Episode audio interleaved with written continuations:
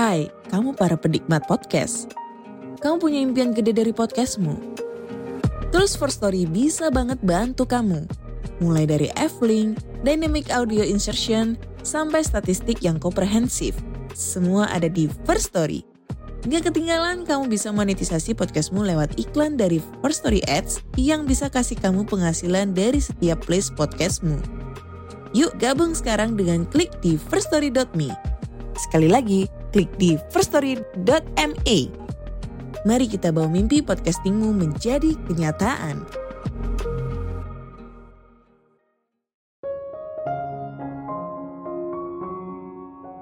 Membuat sebuah batasan harus jadi kebiasaan, dan lebih baik dimulai dari awal hubungan agar semua orang memahami bagaimana cara terbaik berinteraksi dengan kamu. Halo semuanya, nama saya Michael. Selamat datang di channel saya, Si Kutu Buku. Kali ini saya akan bahas cara menciptakan batasan dalam bekerja. Ini merupakan rangkuman dari video TED Talk Nedra Glover Tawab yang berjudul Your Three Step Guide to Setting Better Boundaries at Work dan diolah dari berbagai sumber.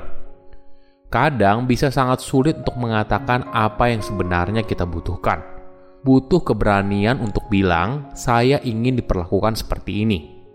Mayoritas orang kesulitan mengungkapkan hal ini, menjelaskan bagaimana mereka ingin dihargai. Di dunia kerja, membuat batasan artinya kamu tahu batasan antara kehidupan profesional dan kehidupan pribadi. Membuat batasan memang sulit di awal, tapi semakin sering kamu melakukannya, maka akan menjadi semakin mudah. Menariknya, membuat batasan sering kali menular. Ketika kamu menerapkan sebuah batasan, orang lain mungkin saja melakukan hal yang sama.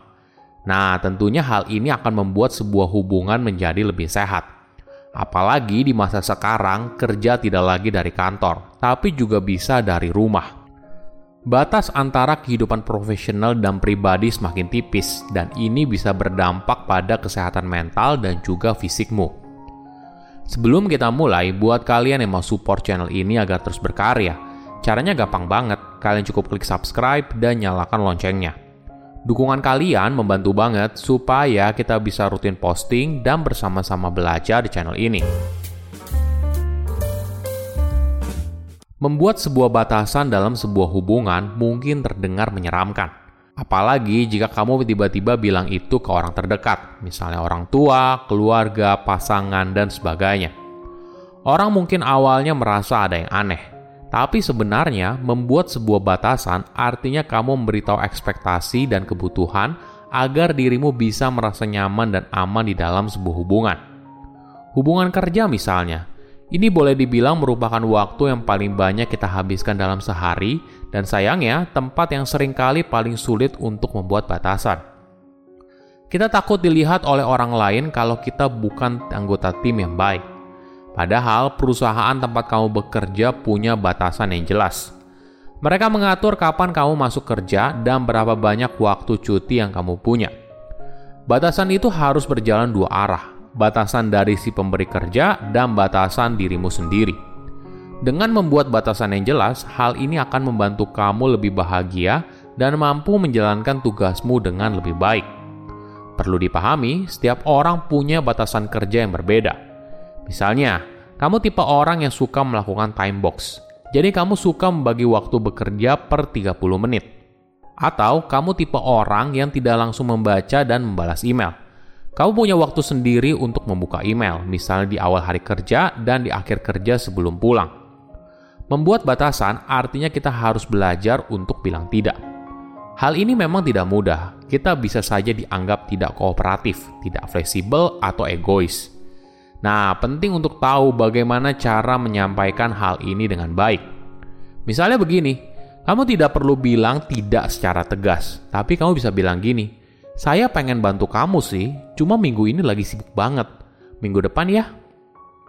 Ada tiga tipe batasan yang bisa membuat hidupmu lebih bahagia, mental, fisikal, dan emosional.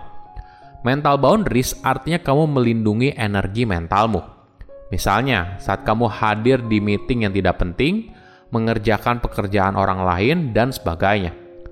Mungkin kamu perlu belajar untuk menolak menghadiri meeting di mana kamu tidak punya kontribusi. Matikan notifikasi pekerjaan ketika kamu di rumah, gunakan waktu cuti dengan baik, dan sebagainya. Kedua, physical boundaries. Hal ini berkaitan dengan tubuhmu dan kontak fisik. Tidak semua orang merasa nyaman ketika bersentuhan dengan orang lain, apalagi dengan orang asing dan lawan jenis. Jangan berasumsi batasan fisikmu sama dengan orang lain. Misalnya dengan lawan jenis, mungkin saja dia tidak nyaman ketika kamu bersentuhan dengan dia. Contoh lain adalah ketika kamu sakit, maka jangan paksakan diri untuk bekerja. Gunakan waktu itu untuk mengobati dan merawat diri dengan baik. Ketiga, emotional boundaries. Hal ini artinya memisahkan antara perasaanmu dengan orang lain. Kamu perlu mengetahui apa yang kamu rasakan pada saat itu dan memahami alternatifnya.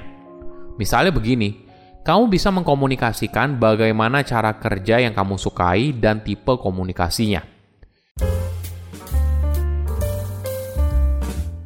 Kita sering kali berasumsi kalau orang lain punya aturan yang sama dengan kita kita merasa kalau orang lain bisa tahu apa yang kita sukai dan perasaan kita hanya melalui bahasa tubuh.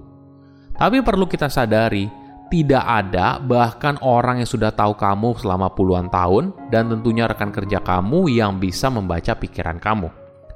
Kamu harus menjelaskan secara gamblang apa yang kamu butuhkan. Mungkin ini awalnya tidak nyaman, tapi percayalah, setelah itu kamu akan lebih mudah untuk membangun batasan yang sehat ada tiga tips yang bisa kamu coba. Pertama, identifikasi batasan yang perlu kamu buat. Contohnya, kamu bisa memberitahu rekan kerja jam berapa kamu bisa dihubungi dan tidak. Kamu juga bisa bilang kalau kamu perlu pulang jam 5 sore tepat, karena kamu harus menjemput anakmu dari rumah orang tuamu. Atau kamu juga bisa memberitahu rekan kerja atau atasan kamu bagaimana komunikasi yang kamu sukai. Misalnya kamu lebih suka dihubungi via teks daripada telepon. Terutama dengan atasan, kamu juga bisa membuat batasan saat memberikan umpan balik. Kamu bisa bilang kalau kamu suka bekerja dengan deadline yang jelas. Kedua, coba pikir bagaimana dan kapan kamu ingin bicara soal batasan. Analoginya gini, batasan itu ibaratnya seperti aturan di sekolah. Semakin awal kamu mengutarakan batasanmu, maka semakin baik. Hal ini tentunya untuk mencegah kesalahpahaman di antara kalian Misalnya kamu masuk ke sebuah lingkungan baru dan kamu sudah tahu apa yang boleh dan tidak. Tentunya hal ini sangat membantu kan? Tips lain yang menarik untuk belajar buat batasan adalah mengambil cuti yang kamu punya. Beberapa orang sangat sibuk bekerja sampai cutinya hangus. Tentunya ini tidak baik. Artinya, kamu tidak bisa membuat batasan antara kehidupan profesional dan kehidupan pribadi. Ingat, hidup bukan hanya soal bekerja, kamu butuh istirahat. Ketiga, ini tips terpenting. Kamu harus komitmen menjalankan batasan yang sudah kamu buat. Misalnya, kamu tidak available setelah jam 6. Nah, kalau begitu, kamu tidak perlu membalas pesan di grup kerjaan. Atau kamu bilang kepada dirimu sendiri kalau kamu tidak available di akhir pekan. Ya, jangan buka email atau WhatsApp soal kerjaan. Ketika kamu melanggarnya, kamu seakan memberikan pesan kepada orang lain kalau ini boleh loh dan pada akhirnya jadi keterusan. Konsistensi merupakan kunci di sini. Oke, jadi bagaimana cara membuat batasan dengan rekan kerja? Pertama, jangan overshare. Berbicara soal kehidupan personal ya oke-oke aja, tapi kamu perlu hati-hati, jangan sampai terlalu banyak. Kedua, hindari gosip. Apabila kamu mau gosip soal kerjaan atau tempat kerja kamu, lebih baik kepada orang yang tidak di tempat kerja yang sama. Kenapa? Karena ibaratnya tembok bisa bicara. Apa pun yang kamu sampaikan bisa saja nanti sampai ke telinga orang yang kamu gosipin. Tentunya hal ini bisa memperburuk hubungan kamu dengan dia kan? Ketiga, hati-hati dengan media sosial. Mungkin tentunya wajar saja apabila kamu berteman dengan mereka di LinkedIn. Tapi ketika kamu berteman dengan mereka di media sosial seperti TikTok, Instagram, nah bagi beberapa orang hal ini merupakan sesuatu yang personal. Silahkan komen di kolom komentar pelajaran apa yang kalian dapat ketika tahu informasi ini. Selain itu, komen juga tahu informasi apa lagi yang saya review di video berikutnya. Saya undur diri, jangan lupa subscribe channel YouTube Sikutu Buku. Bye-bye.